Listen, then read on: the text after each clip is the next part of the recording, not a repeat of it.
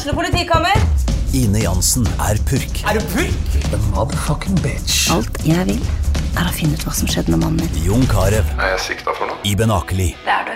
Ole So, Lars Berrum og Big Daddy Karsten. Hvem sin side er du på, egentlig? Anette Hoff, Tone Danielsen, Kommer du fra Afrika? Jørnis Josef, Nesten. Kløfta. Trond Espen Seim, Det er synd å si det, men det var feil mann som døde. Purk. Premiere tirsdag på TV2 Play.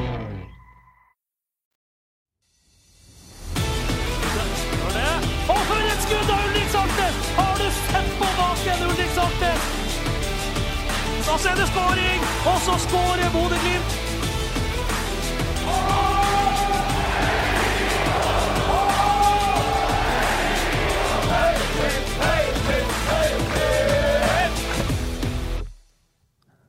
Det er mandag. Bodø-Glimt har tatt tre nye poeng og er tilbake på tabelltopp. Siden sist gang så har de også kvalifisert seg til cupfinale. Vi skal selvfølgelig snakke om det. Vi skal snakke om den spennende uka med møte med Brygge, og vi skal snakke om møte med Molde. Og det er mye annet som skjer i Glimt-verden. I dag jeg med meg Freddy Thoresen og Trond Olsen i studio. Jeg heter Stian Høgland, og dette er Studio Glimt-podden.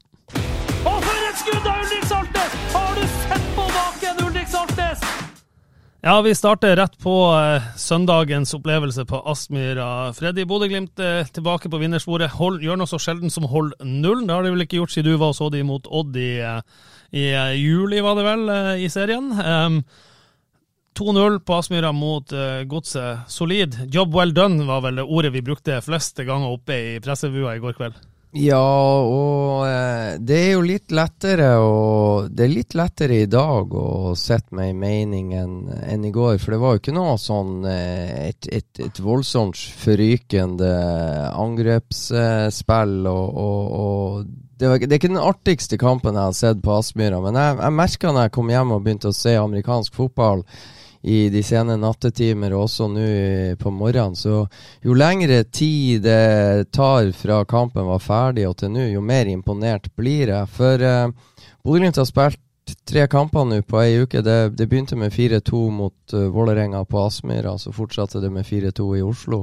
Og 2-0 i går. og med, det, det er et tøft kampprogram de står i, og det er mange som er skada og syke. Så jeg blir mer og mer imponert, og ekstra gledelig og er det at Bodø-Glimt vinner 2-0, som de gjorde i Skien sist gang de hentet nullen. Eller holdt den nullen. Trond, eh, ja, vi, jeg sitter også med samme følelsen som Freddy, at uh, vi var ikke sånn superpositive der vi satt i går. Men jo mer jeg tenker på det, det er en veldig solid gjennomført kamp. De slipper til to målsjanser omtrent på to-tre målsjanser på 90 minutter.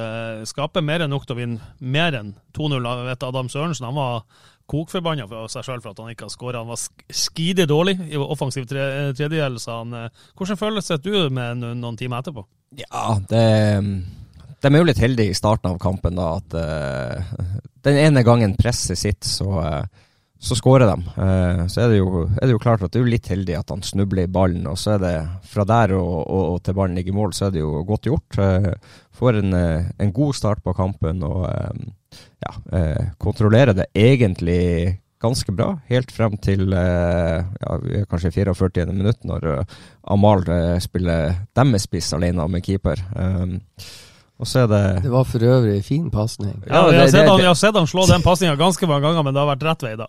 Ja, og, og, og, og det er jo den store sjansen de har i, i første omgang. Uh, og så kommer nå andre omgang, og har slipper dem jo ikke til noen ting. Og så er det Ulrik som, uh, som sender av gårde et skudd, og, og keeperen glipper den i, i mål. Og det, det er det der litt med å ha de marginene på, på, på si side. og det har de egentlig fra de var i uh, Zürich. Så har de plukka litt marginer med seg på sin, sin side. Altså, ja, klart de hadde litt marginer imot med den som går i stang ut på, på overtid, men uh, Faris Pemi som uh, brasser en ball ut av målet der og, og, og, og, gjør det. Og så får du, har du litt marginer i går med at du, du får de her to skåringene som, uh, som kommer på deres feil. Eh, så det er en god jobb, eh, viktige tre poeng og eh, ganske solid defensivt, bortsett fra et par blemmer.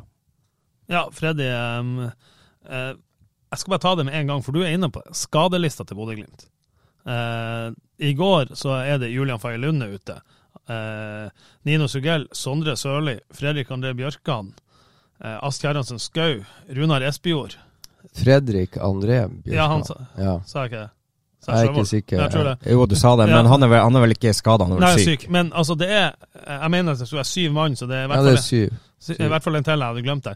Syv mann. Vi har snakka om den fantastisk store, brede troppen til Bodø-Glimt. Omar El Abdelawi er en av de syv. Ja. Eh, jeg snakker om store, brede troppen. I går så hadde Godset flere spillere på benken enn Bodø-Glimt hadde på hjemmebane. Det er ganske sånn eh, Ikke på tannkjøttet, men det er ganske redusert eh, mannskap. Ja, det er på tannkjøttet, for å si det sånn. Og det, og det er det som gjør at jeg blir litt imponert. For eh, jeg kom jo også på at uh, Strømsgodset i sin siste hjemmekamp spilte 1-1 mot Molde. Og det ser jo ut for meg som at Molde er i helt OK form for tida. 4-0 mot Viking.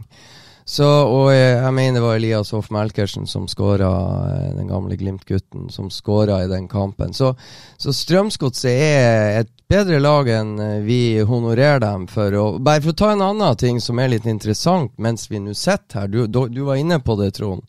Lugano borte på en forferdelig åker i Zürich. Bortebane i Europa, og alle er egentlig skuffa over at det blir 0-0. Fakta er det at lille Lugano, som ingen i Bodø bryr seg ræva om, de har et budsjett på 22 millioner sveitserfranc. Så nesten samtlige norske klubber er jo småklubber sammenligna med Lugano. For jeg tror ikke det er så jævla mange som har det samme budsjettet som dem. Så det er den der lille filleklubben vi er skuffa over 0-0 på bortebane. Men eh, nei, jeg syns eh, Og så tar du Strømsgodset, da. Det er da tredje kampen på ei, på ei tøff uke. Det var tøft på Aspmyra når de vant 4-2 mot Vålerenga. Det var tøft i Oslo. Det var en jævla god semifinalekamp som vi kommer tilbake til. Og så er det uten sine to førstevalg da på sideback. Og det er klart, eh, Brisveen Bangomo er en offensiv Han tok vi kraft. ikke med, f.eks. Ja. i de så mange. Fredrik André Bjørkan er en offensiv kraft, som har den der X-faktoren som jeg tror er viktig for eh, 2023-utgaven av Bodø-Glimt, for å få hull i en forsvarsmur som var såpass solid som den Gustav Walsvik fikk satt opp på Aspmyra. Sånn at når det nå blir 2-0 og med det her Ja da, Trond, du skal få slippe til, men jeg, når det blir 2-0, så er jeg imponert og syns det er sterkt. Så skal du få lov å komme Det, og, det, og det er det du sier nå, men det er jo akkurat det her Bodø-Glimt skal ruste opp for. At Fredrik blir syk, da skal de inn. Og det, det skjer jo i går, ikke sant? At eh, Bris blir skada, da er Sjøvold en av alternativene der. Og det er jo en del av troppen. Og så må ikke vi da sitte og unnskylde at de har skader, for den troppen, det kommer skader, det kommer sykdom, det kommer karantene, og da har de jo bygd en stall for å skal ha tro, Der har du helt rett, men problemet til Glimt nå er jo at nå altså sånn, du, er helt rett, Når Fredrik André Bjørkan er ute, så har de backupen. Adam Sørensen er jo der, akkurat som de har bygd troppen. Eh, på høyreback så er det jo faktisk tredjevalget. For de hadde jo Bris, de hadde Omar. Fredrik Sjøvald var jo ikke tenkt som høyreback i utgangspunktet. Det var jo noe de måtte begynne å prøve i, i Spania når begge var ute. Så det er jo greit. Men sånn som nå på høyre kant, så er jo både første- og andrevalget ute, og, og det opprinnelige førstevalget er solgt. Så, så, så, så det er jo det som er at du kan ikke begynne å bygge en tropp at du skal ha tre-fire valg i hver posisjon. Det er vel der problemet ligger. Ja, og det er jeg enig i. Fremover i banen. Nå, nå begynte jeg bak i banen, og, og, og begynte å bare skulle uh, arrestere Freddy litt på akkurat det med, med backene. For der, akkurat der Men det gjør vel noe med Gjør vel uansett noe Trond, med, med, med, med rytme og samhandling. Trond, du trenger ikke å, men- Trond, du trenger ikke å arrestere. Bodø-Glimt har en bred tropp, men de, er, det er, en- de leder eh, Eliteserien. De har en stor tropp, men de hadde enorme skadeproblemer hele sesongen. Og så som vi snakka om i går, ja, det er kanskje deres eneste Det det er deres egen feil. Kanskje treneren sin feil, for han bytter for lite, og gutta blir slitne og i det hele tatt. Men fakta er det syv spillere som eh, var uaktuelle i går. Det kan jo ikke vi eh, Så kan man begynne å fordele skyld og, og, og feil hele, hele veien så mye man vil. Men Glimt har hatt store skadeproblemer. Og, og eh, Gulliksen er jo ikke kjøpt inn for å være høyre ving, han er kjøpt inn for å være indreløper. De har solgt Jorlund Buka. Førstevalget for å ta over Nino Sugelli er skada. Andrevalget Sondre Sørli er skada. Og nå er det et fjerde alternativ. Jeg syns de løste ganske bra disse problemene og utfordringene som de har. Syns jeg. Ja, og jeg er fremdeles ikke kommet lenger enn at jeg fikk tatt backene. At vi sa, sa at, dem, at der har de dekning. Og Mm. eh, når, når de skadene, sykdommene kommer der, så skal du ha Ja, fremover i banen så er det noe helt annet. Og der, eh, der har de vært ekstremt uheldige. Men igjen så er troppen til, til Bodø-Glimt ganske eh, stor og bra, og de har eh, alternativer de kan sette ut der. Det sitter en Bassi på, på, på benken. Ja, han har ikke visst all verden, men han har ikke fått spilt i favorittsituasjonen, eh, posi, posi, eh, posisjonen sin. Eh, så det, det, det finnes alternativer du kan bruke. Ok, Amal er ute med karantene. Det er hodeløs takling i går. Velger han å, å pådra seg et gult kort og måtte stå over eh, neste kamp. Og, og enda står og klager over den i, i etterkant. Det er ganske utrolig. Men hva gjør de da? Ja, da får vi se. Da tror jeg fort at det kan bli en midtbane med Saltnes, Fet, eh, Berg, og så får du Gulliksen og, og eh, eh, Grønbæk på kantene. Er brisklar, så kan han gå inn på bekken, og så kan du skyve eh, Sjøvold opp i midtbaneleddet. og eh, Eller på kant, som de starta med han sist. Ja, eventuelt. Ja, nei da, det, og Trond, det, det er jo helt rett som du sier. Men poenget litt er jo at når eh, det er åtte mann, kommer jeg til, eh, med de her så klart at Jule Faye Lund er jo ikke et førstevalg, det er ikke åtte mann i elveren. Men det er klart at det blir jo litt eh, den eh, rytmen når det blir såpass mange samtidig. Altså, at én eller to er ute, det må du egentlig det må du forvente at det er enten en skade eller en karantene hver eneste gang eh, på høsten. Men klart at hvis det begynner å bli fire-fem, da merker du det bedre. Tror nå jeg, da. Nå har ikke jeg spilt fotball i Eliteserien, men jeg tror du merker det bedre enn, ja. enn hvis det, det er én eller to. Klart du gjør det, og, men det er ikke det, altså, for det er ikke bare Bodø-Glimt som sliter med akkurat det her nå. Det, det er flere andre klubber som også har store skadeproblemer og karanteneproblemer. Så eh, hvis du ser Molde, så er det en del spillere som, som kommer til å stå over den kampen eh, Om som uke. kommer om, om, om en uke, så, så de har også trøbbel. Og du kan ikke gjøre så fryktelig mye mer med, de- med de skadene, annet enn å eh, prøve å unngå dem. Ja, hadde, hadde Molde åtte ute i går. Nei, nå snakker vi om neste uke. Jeg, Ja. jeg, nå har jeg ikke telt over hvor mange de er ute Nei, men- en uke. men- Men, men, men jeg, jeg, jeg sier at skadeproblemer, og det er en del av gamet. Det er en del av gamet, men vi må jo vel ha Det blir vel ikke feil å påpeke at jeg- må få lov å argumentere for at jeg blir imponert for at Bodø-Glimt vinner 2-0 med så mange mann ute på den tredje, tredje kampen eh, i løpet av ei uke.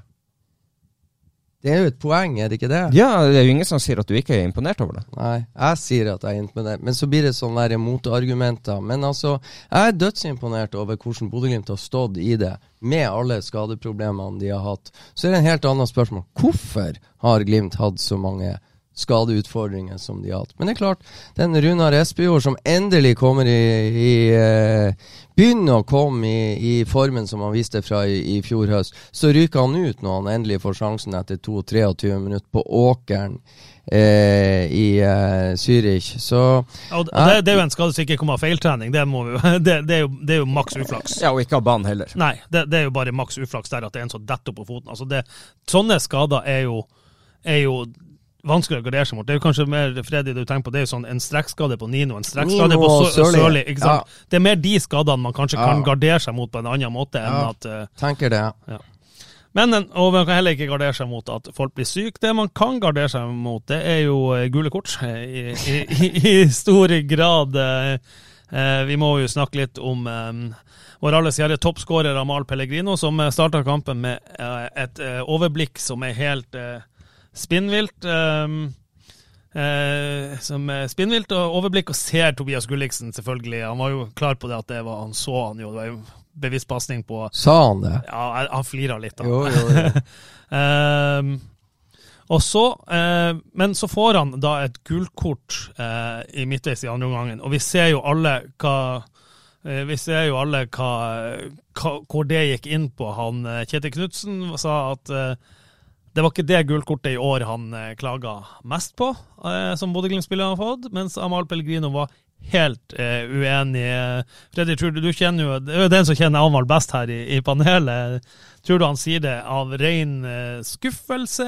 Er det han oppriktig, eller er det, er det en kombinasjon av frustrasjon og, og, og, det meste som koker litt? Der? Jeg tror det er frustrasjon og det koker, og jeg tror Amahl sitter i dag og innser sjøl at fanken, der var gult, og det var jævlig dumt gjort. Og det var fryktelig unødvendig gjort. Og det, det ja, Vi må jo egentlig skylde litt på deg, for du, du gjorde meg oppmerksom på det når eh, vi var og så Junkeren slå Bærum 3-1, så så tok jo du opp det der. Jeg håper ikke Amahl får gult kort i dag. For da, jeg sa vel at jeg hadde følelse at han ble ja, gult kort. Ja, du sa det, og det var det du aldri skulle ha sagt. Og da ble jo jeg klar over det, og så var jeg egentlig ganske rolig på Aspmyra hele veien. For jeg syns Amahl var så langt unna det å ha muligheten til å pådra seg gult kort.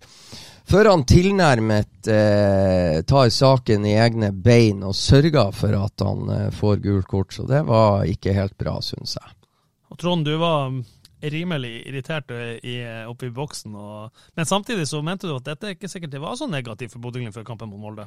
Nei, vi, vi, kan begynne med det første først. Altså det gulkortet der. Det er gulkort hver dag, det er ikke noe å snakke om. Det, det, det, det er så dumt gjort. Og så stå etterpå og si at eh, det, at at det er elendige dommere som eh, klarer å bli påvirka og gi gult kort på det, det, det, er skivebom for min del. Norges beste dommer er rangert, da. Ja. Eh, nei, eh, altså det, altså, ja, han ødelegger for seg sjøl, men han ødelegger også for Bodø-Glimt eh, og deres muligheter. Men det var det du skulle spørre meg om. Jeg er ikke så sikker på at det ødelegger så mye for Bodø-Glimt. Uh, Trond, nå skal, jeg, være eh, tabloid og kritisk her. Hvordan i all verden kan du si det med en mann som har 22 mål og 10 målgivende i år? Fordi at jeg tror presset til Bodø-Glimt blir bedre uten han enn med han. Og i Molde-kampen så tror jeg det toppresset til Bodø-Glimt blir ekstremt viktig for å ta tre poeng.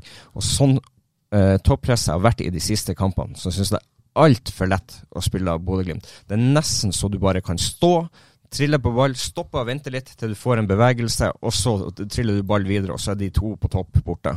Derfor tror jeg det er en positiv ting. Og så Når du sier også det du sa i sted om eh, hva du tror at du kanskje blir Albert Grønbæk på en kant og Gulliksen på den andre, eh, tror du det kommer til å være for at de innser at Molde, du må ha løpere mot Molde? For Molde har ja, verdens beste venstreback, Kristoffer Haugen, på ene sida, og så har det jo eh, Løvik er vel på den andre nå.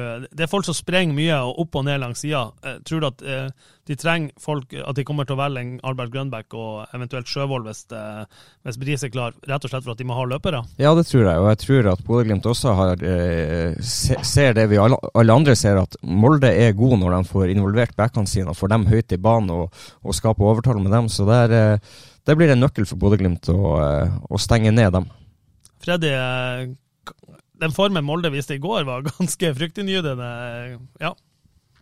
Ja, Molde er et godt lag som eh, klatrer sakte, men rolig. De har jo ødelagt for seg sjøl med å få en såpass dårlig start på sesongen. Og nå er det toget begynt å rulle. Men eh, Molde skal på torsdag, eh, hvis ikke jeg tar feil, når Bodø får besøk av Hugo Vetlesen og Philip Sinkernagel, så får Molde besøk av Bayer Leverkosen og Victor Boniface. Så sånn sett så skal jo både Molde sin, sitt forsvarsle Altså det Bayer Leverkosen-laget har jeg sett, og det er, det er et steike godt fotballag. Håper ikke de sparer for mange på kunstgress? Nei, jeg håper ikke de sparer en dritt. For jeg håper de kommer med Florian Wirtz og Boniface og eh, hele hopprennet. For det er et steike godt lag under ledelse av den gamle Liverpool-champion Sabi Alonso. Utrolig utvikling på det laget det siste året. Jeg håper de kommer med full kraft. Så det er klart det, det, blir eh, uavgjort i forkant av søndagen. For Molde tøff hjemmekamp, Bodø-Glimt tøff hjemmekamp. Og så blir det steike interessant å se hvem av de som får ei best reise inn mot søndagens storkamp mellom de siste Ja, det blir jo fem år her nå at Molde og Bodø-Glimt har vært de to store i Norge, så det blir uhyre spennende. Nå var jeg jo litt forut min tid her, Freddy, det jeg skulle spørre deg om. Er, er du enig med Trond at det, det, kan være greit å ha noen andre enn Amal mot Molde? Ja, akkurat i den uh, defensive delen og for å få presset til å sitte, men jeg tror dessverre ikke at uh, at det blir himmel og helvete i løpet av ei ukes trening, ikke minst når det er en bryggekamp, så, så tror jeg Bodø-Glimt skal få store problemer uh, uansett hvem de sender på banen mot Molde til å få det der til å eh, bli eh, perfekt. Men forhåpentligvis akkurat presspillet kan kan bli hakket bedre enn det med Amahl Pellegrino på banen. Og så er det jo spørsmål om de som setter presset bedre, er like giftig offensivt. Det er en helt annen story. Da er det skåring! Og så skårer Bodø-Glimt! Ja, Vi skal snakke mer om eh, kampene eh, senere, som kommer senere i denne uka, men før det så må vi også snakke om en kamp som var i forrige uke. Og ja, Trond, du har skåret litt mål. Du har aldri skåret et så fint mål som Faris Pemi Momagna gjorde og sendte Bodø-Glimt til cupfinale på torsdag. For uh, vi må snakke litt om semifinalen mot uh, Vålerenga, og uh, ja, det er det målet vi må snakke om først og fremst. For herr er Gudrun. Ja, nei, det er Altså, det, det, det, er jo et mål ut en annen verden. Altså, det jeg, jeg, jeg skjønte vel Jeg har vel ennå ikke skjønt at ballen har gått i mål før det, Så det innlegget er nå én ting, og så er den bevegelsen der. Og så å, treffe så rent. Det, det, det er sinnssykt. Vi, jeg snakka litt her om dagen med, med, noen som i forhold til at han har to brassespark nå. Ja, den ene, sier jeg, det er den klareringa han har i Zürich. Det, det, er godt gjort, men å få ballen ut derifra er jo enkelt i forhold til den skåringa. Så det, nei, det, det er helt rått. Ja, det er Freddy. Vi, vi alle har sett TV-bildene av Brede Mo og Sondre Brunstad Fet når den ballen går i mål, at de tar seg til hodet og skjønner egentlig ikke hva i all verden skjedde. Eh, hvis det hadde vært et kamera oppe på pressetribunen, og det var ikke bare vi som var der, der var det TV 2, der var Viaplay, der var VG, Dagbladet, Nettaviser, og det var vel stort sett akkurat den samme reaksjonen. Alle satt sånn hva i all verden skjedde nå? Ja, og det er så når du ser den live, så, så ser det jo faktisk uh, Skuddet oppleves hardere ut enn når man ser det på TV. Det gikk så fort, og det, det var egentlig ingen som skjønte hva faen var han gjorde. Var det brasse? Hva, hva skjedde egentlig? For alt gikk så fort. og Hvis du ser reprisen og hvor fort han spretter opp igjen og er på beina mens uh, Oldrup Jensen ligger og spreller på gresset Han takla jo uh, Oldrup Jensen på herlig vis etter at ballen lenge etter at ballen ligger i mål. Ja, det var en sinnssyk opplevelse, det må jeg bare si. Og um, det jeg, jeg, vet ikke, Trond. Altså, venstre Hvordan skal du ta brasse der med venstre? Er det en naturlig bevegelse når du er i når, er, når du er sånn i forhold til målet? Tja for meg så virker det kanskje, kanskje mest naturlig å bruke venstrefoten ja. der. Men, ja, det, eh, jeg skulle til å si det. Eh, så er det Men, men eh, det, det, det, treffer. Han treffer så rent. Og han kan gå ut og prøve tusen ganger, men han kommer ikke til å gjøre det igjen. Ja, det er så eksplosivt. Opphoppet og, og det å komme seg, og den snerten der, og treffe så rent, det, nei, det er noe av det sykeste jeg har sett. Og så var det altså. akkurat det Bodø-Glimt trengte på det tidspunktet i kampen. Ja, ja jeg tror Altså, at de, tre de trengte ei scoring, men at de skal dra opp ei sånn scoring som ingen har sett før, det, det, det, var bare Men altså, tidspunktet var jo så perfekt. Det var en veldig Det opplevdes for meg en veldig god kamp mellom to gode lag som, som På en måte Jeg syns Bodø-Glimt gjorde mye bra. Jeg syns Vålerenga gjorde mye bra. Spissen til Vålerenga er jo utrolig Hvor de har fått tak i han sånn til Jeg, jeg syns det spissparet i lag er godt med off-gear og ja. Ofkir som ja, sprenger litt rundt der. Og, ja. Nei, og, og Vålerenga har gjort noen grep, og de har truffet et lag som kommer til å få stigning i programmet, og de, de fortsetter etter, etter å bli smelt ut av Bodø-Glimt. Så, så, drar de til Sandefjord og vinner 2-1, og det er sterkt. Så blir spennende å følge med de. Men nei, det var Jeg syns det var en veldig god fotballkamp, og, og det å, å, dra opp noe sånt, var det fire minutter før slutt? Ja, det var vel noe sånt. Det var veldig tett på, på Også, 90 i hvert fall. Ja, så det Nei, det var helt ellevilt. Jeg tror knapt eh, noen eh, spillere har sendt noen norske lag til finale med ei sånn scoring noen gang. Altså. Det var vel en del Vi hørte vel en del i, i Vålerenga, eh, eller Intility-miljøet, som sa at det er i hvert fall den fineste skåringa som noensinne har vært på Intility. Og det, Nå er ikke det verdens eldste stadion, men, men ja, det var, det var ganske mange som var litt sjokkskadd på Intility. Ja, men det er det jo uansett. Altså, det, er jo, det, det, det, er jo en ikke-sjanse som blir en vanvittig skåring. Det, er et innlegg som går langt utover i, i 16-meteren, og eh, ja, det skal ekstremt mye til for, for at det blir en skåring. Og og så, treffer du på den måten, og ballen går som et prosjektil i målet, så det, det er Det er vanskelig å forsvare seg mot, la oss Ja, det- være enige om det. Du kan jo ikke forsvare deg mot det. Altså, det det, det er noe av det jeg mener. Altså for at, I utgangspunktet syns jeg ikke brans- brassespark å ta brassespark er ikke spesielt vanskelig hvis du får angripe ballen. Her rygger han jo utover. Han er jo på vei vekk fra mål når han satser. Og det er jo det som gjør det så vanvittig spektakulært. Eh, og hele bevegelsen. Hvis du får stå helt i ro og får et perfekt innlegg, så er det ikke vanskelig å ta brassespark hvis du har prøvd eh, noen ganger oppveksten. Men det der, det er, det er next level, altså. Ja, det, det, det er du er inne på nå. Det å være i en slags bevegelse ut av boksen, og så klare å satse opp og, og time det så perfekt. Nei, jeg tror, jeg tror fanken ikke han klarer det hvis han prøver på trening og skal gjenskape det der. der det tror jeg ikke han får Vi skal i hvert fall ikke prøve, for da blir han skada. Ja, det er jo akkurat det som er òg. Herre min hatt. Nei, det der var vilt. Men uh, cupfinale nummer to på de siste tre årene er vel tre år på rad med semifinale i cupen. Uh, vunnet to av de. Og igjen blir det mot eh, Molde, Trond. Uh, ja, hva tenkte du om en ny cupfinale? Nei, for det første så var vel eh, forrige cupgull eh, ganske nøyaktig eh, 30 år siden sist, så eh, det er jo på tide å eh, gjøre noe med det. Eh, og så er det en eh, revansj og en hevn mot Molde som eh, bør sitte godt i der. Og så er det jo veldig likt for begge lag frem mot uh, cupfinalen. De spiller stort sett samtidig eh, hele veien ut høsten nå, så det, det er jo det er, ikke, det, det er ingen av lagene som vil ha en spesiell fordel inn mot den cupfinalen. Eh, så det, blir veldig interessant og spennende. Så, så regner med at Bodø-Glimt eh, har veldig veldig mye de har lyst til å hevne eh, overfor den Molde-gjengen. Vi vi satser på at det blir en litt bedre cupfinale enn i fjorårets utgave. Ja, det skal godt gjøres, for jeg tror Bodø-Glimt forrige gang de møtte Molde i cupfinalen, i forhold til potensialet som er i det mannskapet, så tror jeg ingen norske lag i noen cupfinale har levert dårligere i forhold til eget potensial enn det Bodø-Glimt gjorde da de møtte Molde på Ullevål. Jeg forventer at det blir bedre, og så er det jo interessant. Vi får en smakebit da på søndag på cupfinalen, og så er det jo ingen tvil. Molde har en eh, Molde har et sånn over, psykologisk overtak på Glimt i, i forkant. Bodø-Glimt slo Molde 2-0 borte etter skåringa av Hugo Vetlesen og Olav Solbakken da Bodø-Glimt tok sitt siste seriegull i 2021. Det var en knallsterk kamp av Bodø-Glimt, det, på eh, Aker stadion. Siden det har ikke Bodø-Glimt slått uh, Molde, bortsett fra i generalprøven til årets sesong, da de snudde 0-2 til 3-2.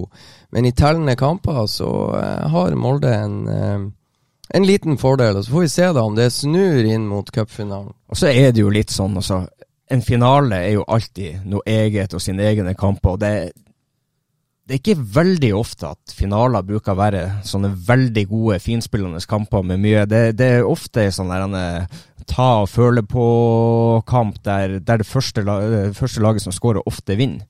Så det, det der er å knekke den koden inn mot cupfinalen, at du klarer å være det beste og det dominerende laget som går ut og tar tak i det. Ja, jeg tror, jeg tror kanskje cupfinalen 9.12. blir litt sånn som semifinalen på Intility Bay her på torsdag. For det, det er klart, det, det var 2-2. Det er eh, fire minutter igjen, så drar Faris Pemi opp det der kunstverket som han gjør, og, og det må med all respekt melde Vålerenga var rimelig nær å utligne til 3-3 før eh, Adam Sørensen setter 4-2. Så sånn, jeg tror det kan bli fort en sånn her kamp som kan vippe litt, og så er det da det laget som klarer å dra opp litt sånn eh, X-faktorer opp av hatten som eh, som eh, stikker av med det til slutt. Og så blir det utrolig spennende om, om det blir de helgule, eller om de blir de mørkeblå. Ja, og så har det jo vært sånn, dessverre for Glimt sin del, i siste kampen mot Molde, så har Molde skåra først hver eneste gang. Ja, til og med med én mann mindre på Aspmyra, så skårer de ikke bare ett mål først, de skårer to mål først.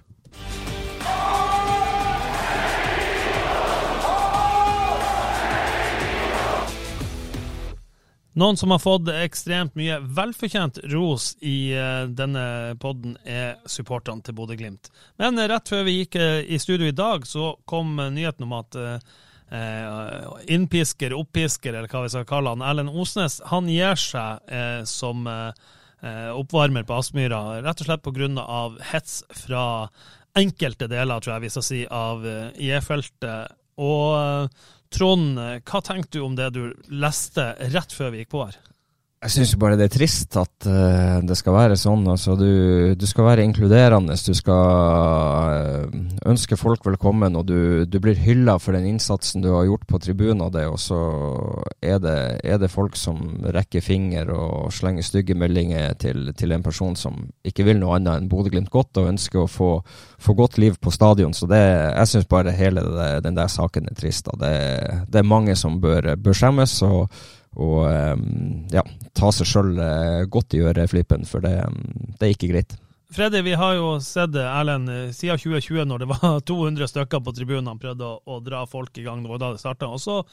Han har jo stått bak eh, noe som står på skjerfet. Jeg vet så mange på Aspmyra. Dette er Aspmyra, var jo han som dro i gang. og eh, jeg satt jo i går, Både Jefelt og Erlend har jo dratt i gang den der sangen hvor de kjører eh, synger fra ene tribun til den andre, som J-feltet har vært eh, stor arkitekt på òg, selvfølgelig.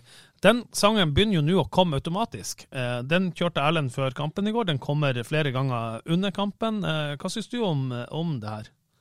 Nei, jeg syns det er helt utrolig at det går så langt. Og det er vel ikke Erlend Osnes som har på en måte kjærebed om å komme på Aspmyra og få lov å ta en mikrofon i, i handa og skape stemning. Det, han er vel blitt spurt av Bodø-Glimt om, om han kan skape litt liv, og, og Bodø-Glimt har jo opp gjennom årene, da de ikke var fullt så gode, hatt tradisjon for å ha en liten innpisker som skal skape litt stemning før kamp. Så jeg syns det er utrolig synd at et av de ja, flotteste bortefeltet, eller eh, supporterskaren i, i, norsk fotball, eh, at deler av dem syns det er så ille at eh, syns det er så ille at eh, en, eh, en, trivelig bodøværing prøver å skape litt liv for kamp, at de har så mye imot det at det må dras frem hets og den slags, for de er jo egentlig på lag. Erlend er glad i Glimt, J-feltet er glad i Glimt. og Bodø-Glimt har spurt han om å gjøre en jobb, så jeg syns det er utrolig trasig at uh, det skal ende sånn som så det er der. Så um, det er nå bare å la være å følge med hvis man ikke liker det noe særlig, og så kan man uh, samles i fellesskap etter hvert. Ikke, man trenger jo ikke å stå og, og følge med han Erlend hvis man syns det er for kjipt. Det går jo an å gå og kjøpe seg en pølse og en kaffe eller noe sånt akkurat når han holder på, så kommer man inn etterpå. Trenger jo ikke å begynne å hetse. Nei, og, dette er jo en gjeng som, som ble kåret til årets nordlending i fjor, bl.a. for den måten eh, man er raus med alle, man tar vare, inkluderer alle. Vi har jo vært ekstremt imponert, Freddy. Vi snakka om det selv eh, senest på torsdag i, eh, på Intility, at det er så mye unge. Det er veldig mye damer og jenter som er med på, på feltet, eh, spesielt på bortebane, som vi så på torsdag.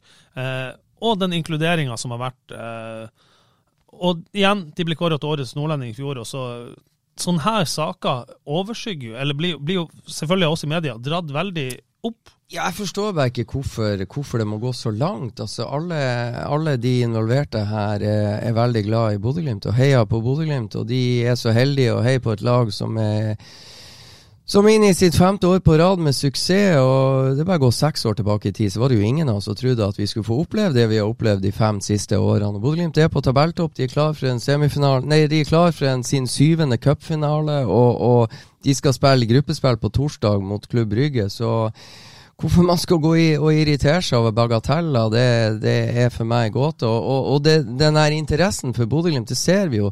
Hva det var 2200 2019 var det. 2019 betalende på Intility på torsdag. Og, og jeg, tar jeg ikke feil, så leste jeg om ei gate i Mandal hvor en del søringer driver og Det er ingen som har tilknytning til Bodø. Og den ene er på kokkelandslaget, og de driver og flagger i Mandal, fordi at Mandal har et lag i tredjedivisjon, så driver de og henger opp flagg til Bodø-Glimt. Og vil endre gatenavnet til Aspmyra. Ja, ja, ja. Og den, sånne, interessen er jo voksende, så hvorfor folk skal irritere seg over at han Erlend Osnes er og holder på med sitt på, på, på gresset før kamp, det, det er for meg gåte.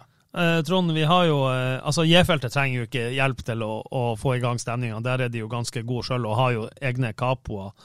Det sitter en del andre på Aspmyra som eh, er kanskje litt stille, litt beskjeden, men når eh, I hvert fall sånn som det føles fra der vi sitter inne. Nå sitter vi som sagt inne, ikke verdens beste akustikk eh, der vi har. Eh, men vi legger jo merke til at stadig flere av de foran oss, når Erlend er i gang, begynner å synge allerede før kamp, og tør å røyse seg og bli med også under kamp.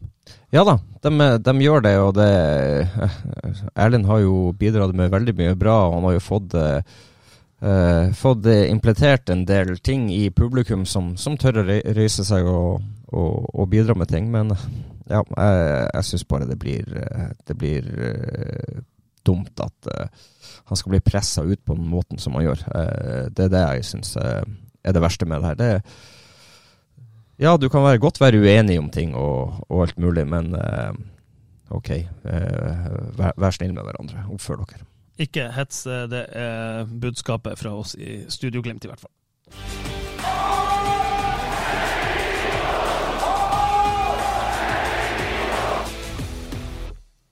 Det er, Vi har vært inne på det, det er ei ekstremt eh, spennende tid Glimt er inne i nå. Det er kanskje ei sesongdefinerende uke er vi også inne i. Torsdag da eh, skal jo han Freddy tross alt eh, å se en eller annen kamp med AEK Aten eller Makabi Haifa eller noe sånt. Så- Nei, helt feil. Makabi Tel Aviv. med Makabi Tel Aviv, mens Trond vi skal kose oss med, med å se Bodø-Glimt mot Filip Sinkelagel og Hugo Vetlesen. Men du, Hva, hva, hva, du gjenta? Hva du sier du skal nå for noe?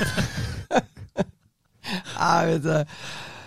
Å, herregud, det er så håpløst. Nei, jeg skal se Gent mot Makabi Tel Aviv på torsdag, når dere skal se Klubb Brygge på besøk på Aspmyra. og for å sette det i kontekst hvorfor? Freddy er jo alltid på sånn fotball, årlig fotballtur til Nederland. Nå er jo Belgia blitt en del av Nederland, og Tyskland også, for den saks skyld, i denne fotballturen.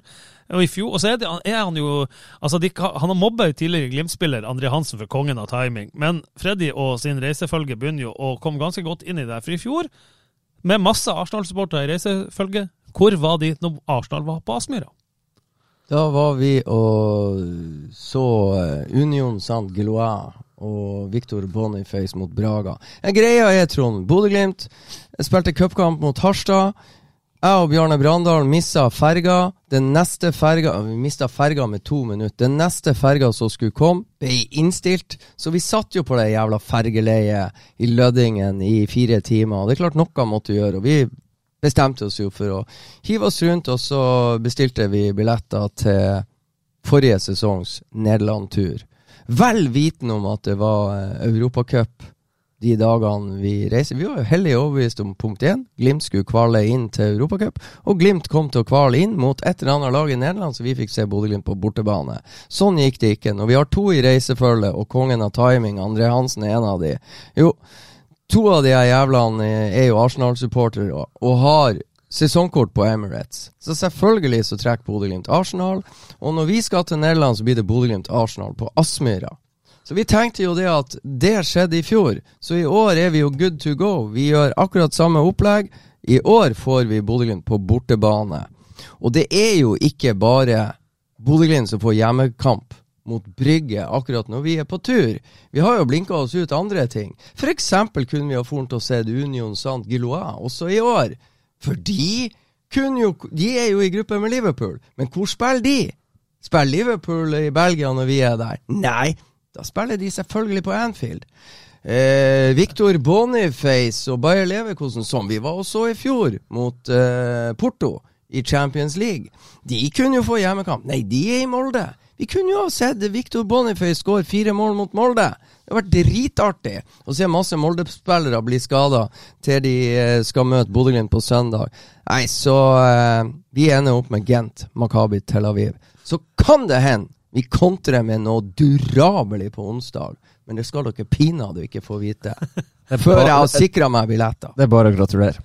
Ja, Trond, eh, vi, vi kan jo i hvert fall snakke om at vi gleder oss til eh, Filip Sinkenhagel og Hugo Vetle- Vetlesen på, eh, på Aspmyra på torsdag. Ja, vi gjør det, og det, det, blir, eh, det blir veldig morsomt å, både, ja, å se Hugo, eh, Philip Sinkernagel, men også Ronny Deila og Egentlig hele Klubb Brygge, ja, så et bra lag. Ja, og, og, og Nusa, hva han heter en, eh, er Hvis han er eh, frisk og ska, rask og, og skadefri, så eh, det er jo en del eh, norske røtter og norsk tilhørighet som, som kommer hit, så det, det blir eh, en interessant og spennende kamp. og eh, så blir jeg spent å se hvordan Bodø-Glimt takler eh, å møte en motstander som er på toppnivå i, i Belgia, for det, det er en veldig interessant målestokk.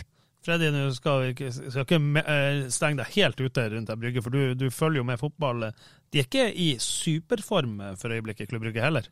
Brygge har eh, spilt fire, fire siste kampene og endt 1-1, så mitt tips på Aspmyra på torsdag er 1-1. Uh, kan jo ikke vite det. Tre kamper. Anderlecht borte 1-1, og så har de hjemme mot Genk 1-1, og i går mot sin Lukas Kubers tidligere klubb, 1-1. Og imellom der spilte de 1-1 mot Besiktas i første gruppespillskamp. Så uh, Og så er det det at mens, mens Bodø-Glimt skal møte Molde på søndag, så skal Brygge og møte ingen ringere på søndagens Standard Liège, tidligere klubben til Ronny Deila og tidligere klubben til Philip Sinkernagel. Så det er jo en røverkamp i vente, også for Klubb Brygge, når de kommer hjem til Belgia etter besøket i Bodø. Så de har egentlig samme eh, hva skal jeg si, dilemma som Bodø-Glimt, altså en toppkamp eh, i serien. Så eh, jeg er litt spent på om Brygge gjør som Arsenal, gir Bodø-Glimt en liten invitasjon, altså som Arsenal i fjor. Arsenal stilla med Ødegaard og en del røvere på benken og ga Bodø-Glimt en liten mulighet til å, til å, være med på leken som Glimt ikke helt klarte. Ja, og så er det vel eh, litt sånn, eh, Trond Det er tidlig gruppespillet. Både, altså, Nå kan vi ta egentlig både eh, Glimt og Molde, sin, som begge har tøffe europakamper på torsdag. Eh, begge de kan risikere å møte et lag som sparer ganske mange. For at de vet at hvis det går til icing og, og du ryker på et tap, så har du fire kamper på å rette opp igjen. Eh, Leverkosen vant vel sin første, så de er i hvert fall ikke på bakbeina i, i egen gruppe. Jeg vant 4-0 over Hekken. Per-Mathias Høgmo og, og gjorde en solid Så de har jo fått en drømmestart, mens Molde tapte vel 0-1 i Karabakh. Yes. Ja, men så er det jo også litt for, for, for Bodø-Glimt sin del, så har du ett poeng å, eh, å brygge har vel ett poeng. Det var vel ja, det ble en i begge kampene. Ja, ikke sant. Så det, det, det, er jo litt for, for, for um, uh, Skulle Bodø-Glimt ta tre, tre, poeng i denne kampen og uh, Besiktas ta tre poeng, så er jo Brygge litt etter, da. Uh, så det, det Nei, jeg tror, det, jeg tror, det, er en viktig kamp for både Bodø-Glimt og for Brygge. og uh, Det er ganske viktig for begge lag å ta tre poeng i denne kampen uh, i forhold til det som kommer. For begynner du å bli hengende bakpå og må jakte, så blir det mer trøkk på det.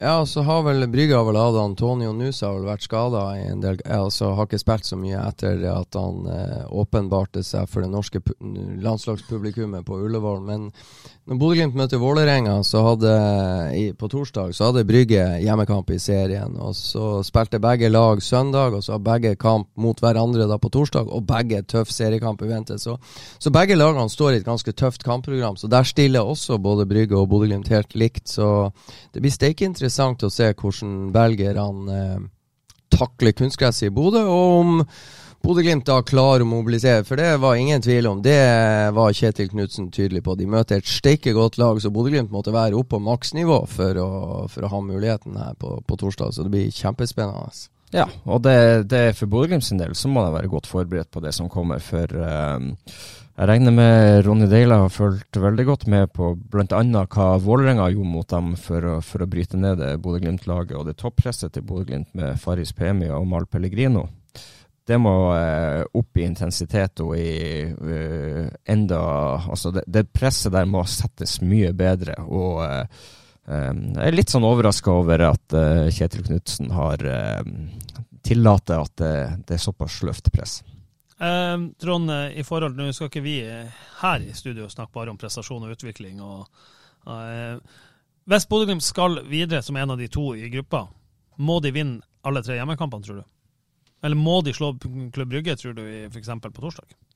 Ja, jeg tror det. Hvis de skal bli eh, en ut av de to, så, så må, de, eh, må de slå Brygge i, i den hjemmekampen. Og det, det går litt på, på, at det er den eh, kampen imellom dem. Og så eh, må du nesten håpe da på at Besiktas også vinner eh, deres kamp, så, så har du ei lita luke, og så slår du da Lugano hjemme, og, og Besiktas tar, tar, poeng mot uh, Brygge igjen, så, så, sitter du ganske godt i, da. Ja, Så du tror at Besiktas uh, is the team to beat? Eller er det laget som slår alle? Altså at Brygge er det laget man må ha bak seg hvis man skal på én av to?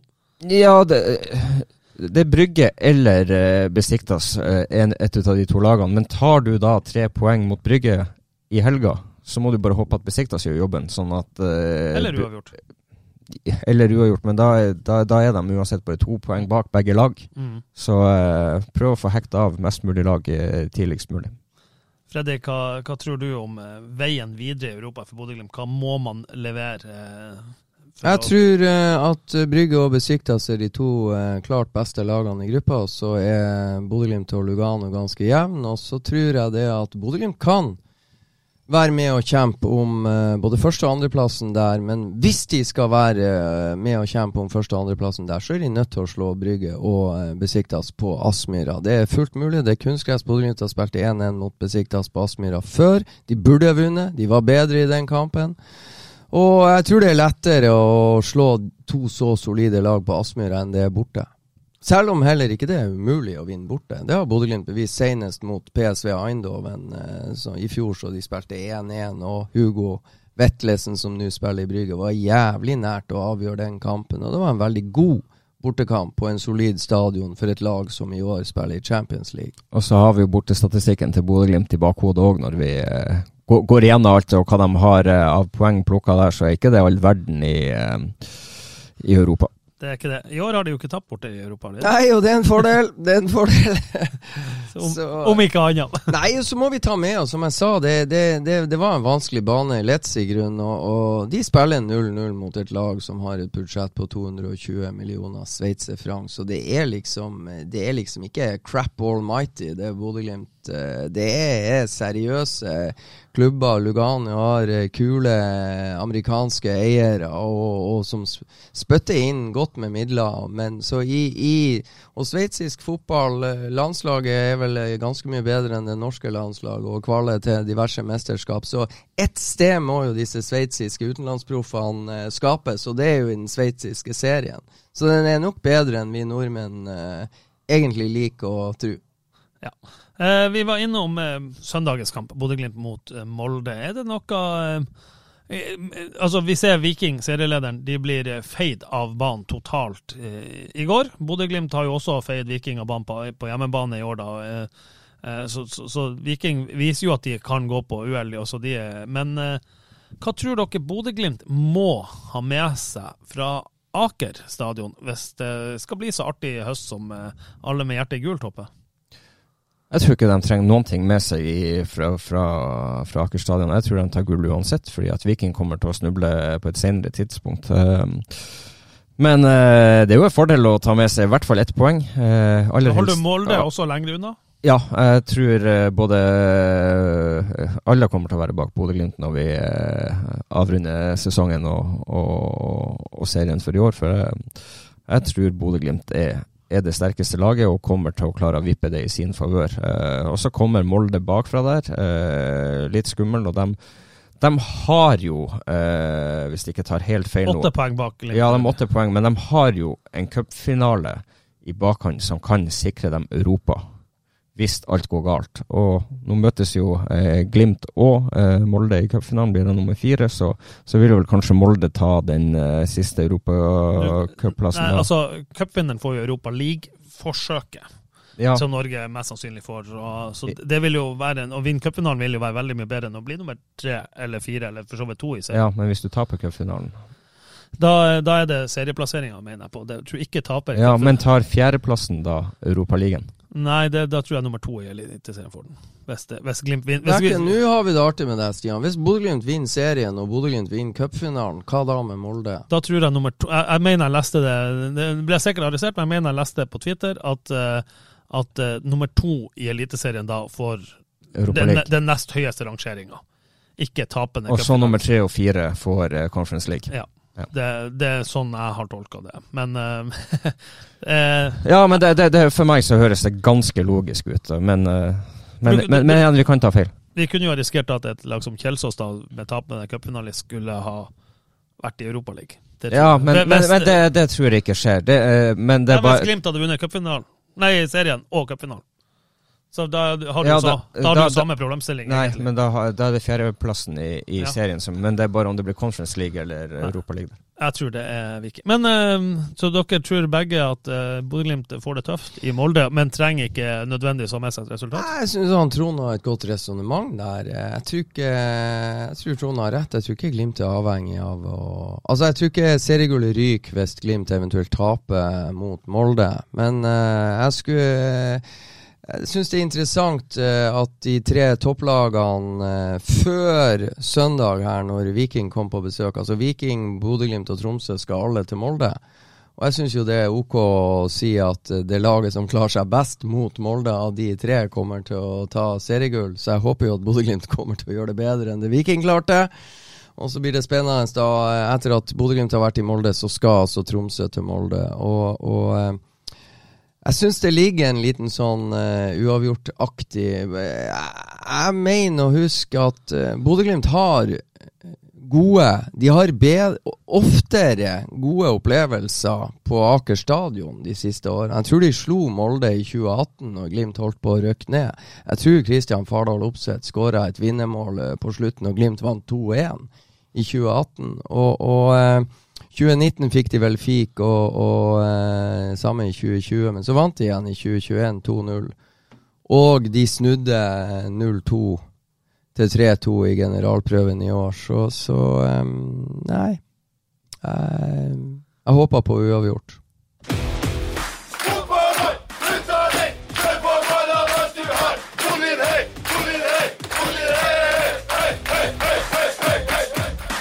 Så skjer det jo alltid noe når vi sitter i dette podkaststudioet, eh, Freddy og Trond. Det eh, kan, ikke, kan, kan, i hvert fall ikke være av nett, for mens vi sitter her, så blir det bekrefta at Bodø-Glimt, som eh, vi, vi, meldte i lag med Nettavisa i forrige uke, kjøper Kasper Høeg. Og nå har Bodø-Glimt også bekrefta at fra 1.1.2024 så er Kasper Høeg Bodø-Glimt-spiller. Altså for de som ikke vet det, Kasper Høeg, danske, som spiller for Stabæk akkurat nå.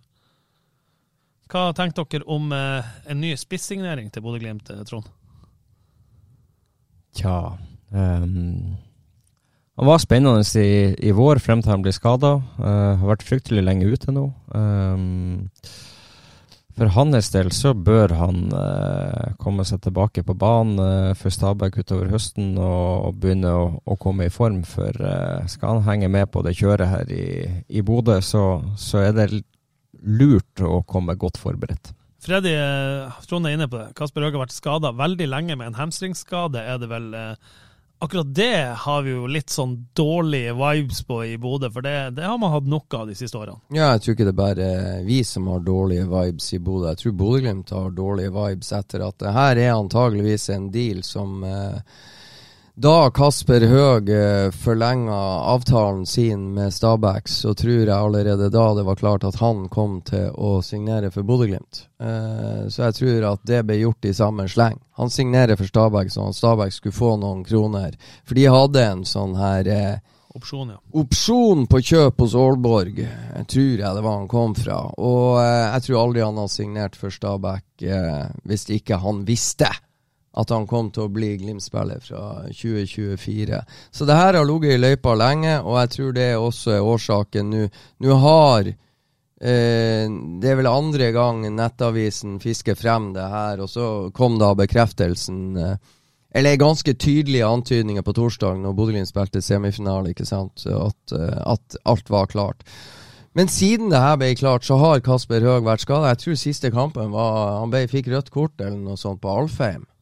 Og Det var det siste jeg husker av Kasper Høeg. Han hadde en veldig god sesonginnledning, men siden har han vært skada. Nær skaden tar tid. Den tar lengre tid enn jeg tror folk antok. Og jeg vil tro nå at uh, enten så kommer han på banen for Stabæk i høst, at det er på en måte ønsket til Stabæk, men jeg er veldig usikker på om det skjer. Så spørsmålet er jo om han uh, tar turen til Bodø uh, allerede nå og begynner opptreninga til neste sesong. Uh, før han, på en måte. For skal Stabæk bruke eh, medisinske ressurser på å få en spiller som de ikke får ha glede av i 2024, skal de gjøre det, eller skal de bare sende han opp hit så han får begynne å bruke Glimt sine medisinske ressurser for å være i best mulig shape til oppkjøring i 2024? Han har spilt 14 eh, kamper i Eliteserien for Stabæk, eh, Trond, og skåra eh, fem mål. Uh, som, som, Freddy var inne på, det er ganske lenge siden han har spilt. Han uh, spilte sin siste kamp uh, eh, 29. juli. Så det er jo, han har vært ute i to måneder. Det var hjemmekampen mot uh, Molde når de tapte 1-0. han har vært ute ganske lenge med denne strekkskaden. Det er godt over to måneder.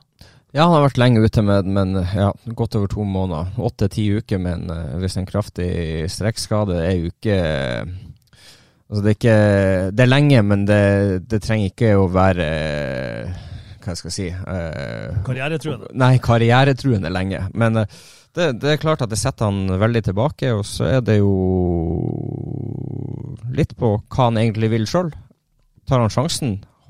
Holder han igjen nå fordi at han vet at han skal bli Bodø-Glimt-spiller? Holder han igjen og ikke vil spille de kampene for Stabæk fordi at uh, han er redd for noen ting? Hva er det slags spiller det her? Hvilken type spiller får Bodø-Glimt?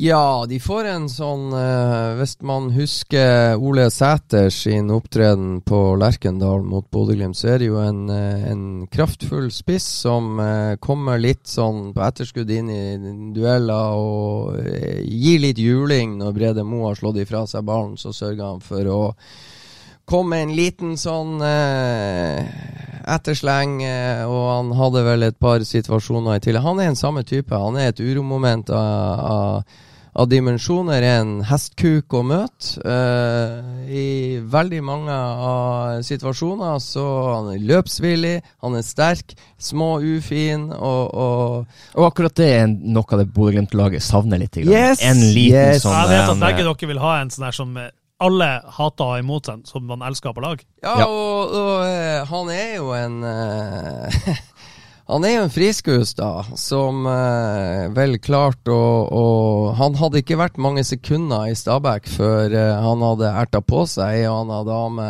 og, og, en og annen fotballsupporter. For han, han, er en karakter, det skal ingen være i tvil. En karakter og en profil som eh, de kampene han fikk for Stabæk, eh, viste ganske mye bra. Han gjorde det. Tror du han får nummer 69 i Bodø-Glimt, Trond? Eller tror du han vil ha det?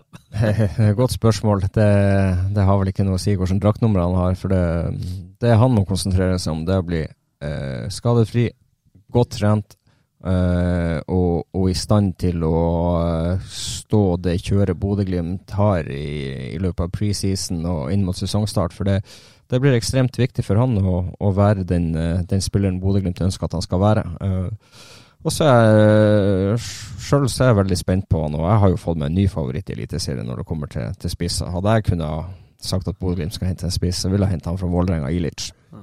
Det, men uh, det at Bodø-Glimt velger å hente ny spiss nå, ligger det i kortene at uh, For vi vet jo at det har vært interesse for Faris Bemi, og med brassesparket på Intility så kan han nesten spille så dårlig han vil etterpå. Det, det der blir folk å, å huske. Tror dere det ligger en uh, forståelse at uh, han ble ikke solgt i sommer. Glimt har gjort det med flere spillere de siste årene. at de har Nei, ikke nå, men du får gå i neste vindu. Tror du Freddy, at det ligger en forståelse at uh, Faris Pemi Bombanga blir uh, solgt i vinter?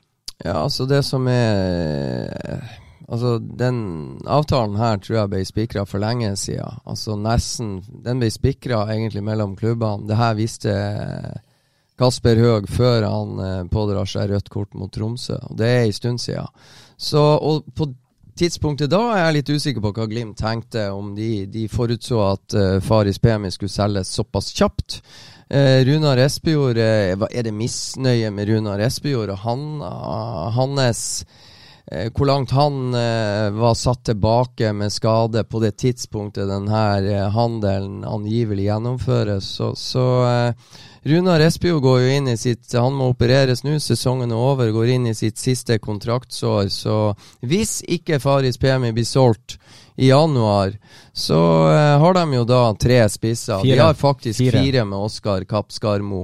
Og det er jo kanskje en spiss for mye, for å si det sånn. Så det blir jo interessant da med med eventuelt fire spisser i sesongoppkjøringa til 2024. Så jeg tipper én blir solgt. og de hadde fire i starten i år, og det var, ja. det var ganske tydelig at noen skulle vekk der. Ja, så er det òg, Trond, det her kan sikkert du si noe om, men, men, men ikke sant um, Greit uh, at Aneke går inn i, på TV 2 og, og hevder, eller hevder, han bekrefter på TV 2 på overgangsvinduets siste dag at Bodø-Glimt kunne ha solgt Faris PMI for 100 millioner nå. Ikke sant? Jeg velger å tro at han er på det. Og det er klart at uh, jo lengre Bodø-Glimt sitter og sier nei til den type bud, så, så uh, et, til, til slutt går det så langt at det er klart Jeg har sett spillere Soran Popovic, en keeper i Bodø-Glimt, som trivdes jævlig godt i Bodø og sto ganske bra i mål helt til Røde Stjerne kom. Som var på en måte hans gamle favorittklubb. Han har for øvrig sittet på benken for Røde Stjerne siden han forlot Bodø-Glimt. Men da opplever Bodø-Glimt en helt annen Soran Popovic fra det sekundet det tilbudet lå på bordet enn den eh, de var blitt kjent med frem til da. Så det er klart det kan gjøre noe med lynnet til Faris Pemi hvis en klubb han har lyst til å gå til, ikke blir realisert. Så ting kan fremprovosere seg frem av seg sjøl etter hvert. Har du gjort det, Trond, og blitt en sur, grinete venstreving når du visste det lå et bud på bordet du hadde virkelig hadde lyst til? Jeg har aldri ligget et bud på bordet på meg som jeg ikke har visst til. Den, den gangen det skjedde, så, eh, så, var det jo klubben som ville ha meg vekk. så det var så, de som ble sure og grinete på deg? ja, de, de var nesten sure og grinete på meg for at jeg ikke ville gå. Så det Nei, men det... Trond, du har jo egentlig, egentlig så må jo du sitte her og skryte. Det jo du som berga Bodø-Glimt. Hadde ikke du gått til Rosenborg? Ja, men det er ikke det, det, er ikke det vi skal diskutere nå. Men det er jo jævla artig å nevne det. Ja, men det, vi, det, det, 10 millioner, 11 millioner, 12 ja, millioner. Og i dag er jo det 1 milliard, ikke sant? Nei, men... inflasjon.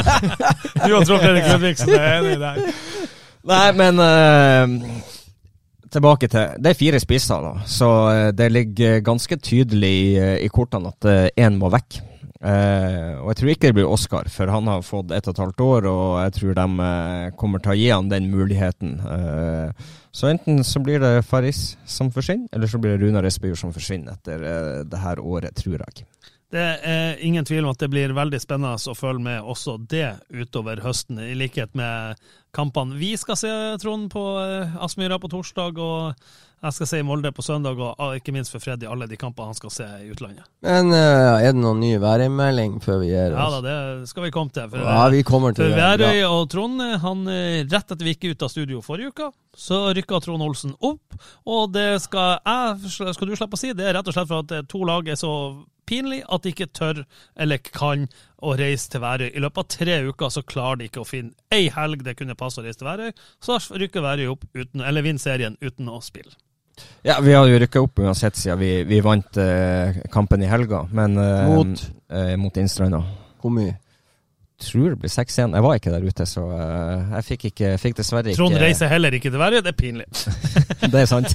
Det er faktisk uh, pinlig å ikke få være med på siste hvem, hvem, er, hvem er assistenttrener som leder troppene når ikke du er til stede? Det er Runar Mellem, så han skal få skryt for at han uh, gjorde alt rett og vant.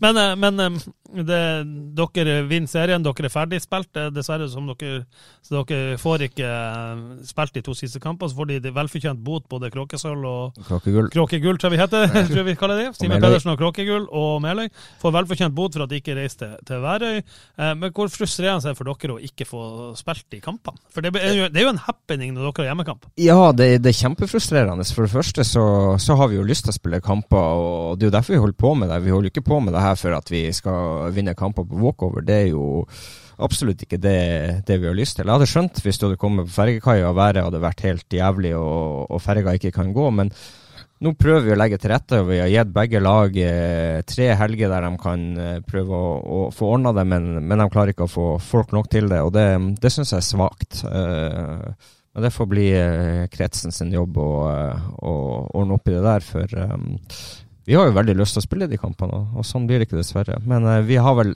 én kamp igjen, og det blir jo en uh, eventuell KM-finale. Men dere har ikke lyst til å rykke opp? Det kommer jo litt an på. Vi får se hva som skjer, om det blir en ny uh, fjerdedivisjon. Hvis det hadde skjedd, så, så det kan, kan det være bli. aktuelt. Så uh, vi får se. Vi får se.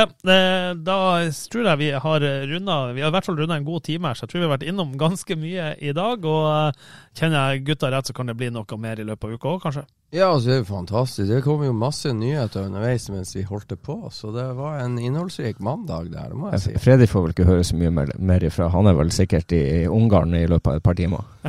ja, det som eh, vi kan love, det er at det blir masse stoff eh, i løpet av uka om både Brygge og Molde, og vi blir vel å sende live fra treninga på Aspmyra på onsdag, og ja, det kommer til å bli mye. Jeg, når dere ser Bodø-Glimt, eller Molde-Bodø-Glimt, vet dere hva jeg skal se? Jeg ser ikke noe Venlåsje, Boys eller noe sånt. Der. Standard Liège, Klubb Rygge. det verste alt er sant. Ja, det blir, eh, det blir kult. Jeg ønsker han Freddy god tur, i hvert fall. Og takk for at dere kom i studio, både Freddy Thoresen, Trond Olsen, jeg heter Stian Høgland, og takk for at dere gidder å høre på all skittpratet i Studio Glimt-podden. Skudd av Ulrik Saltnes! Har du sett på baken, Ulrik Saltnes? Og så er det skåring, og så skårer Bodø-Glimt!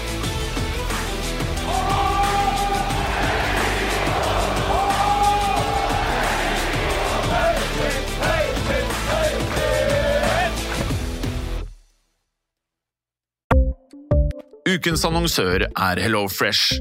HelloFresh er verdens ledende matkasseleverandør og kan være redningen i en travel hverdag. Mange av oss har nok vandret i butikken både sultne og uten en plan for middagen, som ender med at vi går for de samme kjedelige rettene gang på gang. Middag burde være dagens høydepunkt. Som HelloFresh kan du nå velge mellom 25 ulike retter hver eneste uke, eller få HelloFresh til å sette sammen menyen for deg. Dette gir deg muligheten til å prøve nye og spennende retter alene eller sammen med familien. Du velger antall porsjoner og får alt levert på døren på et tidspunkt som passer for deg. Oppskriftene er enkle, og maten er lett å lage både for store og for små. Ved å få alt levert hjem får du også mer tid til å dele matgleden med familie og venner. Kanskje det frister med asiatiske tacos eller greskinspirert kylling? Da kan jeg anbefale deg om å gå inn på hellofresh.no. Her kan du bruke koden FOTBALL og få opptil 1779 kroner i rabatt på de første fem matkastene hvis du ikke har prøvd Hello Fresh tidligere.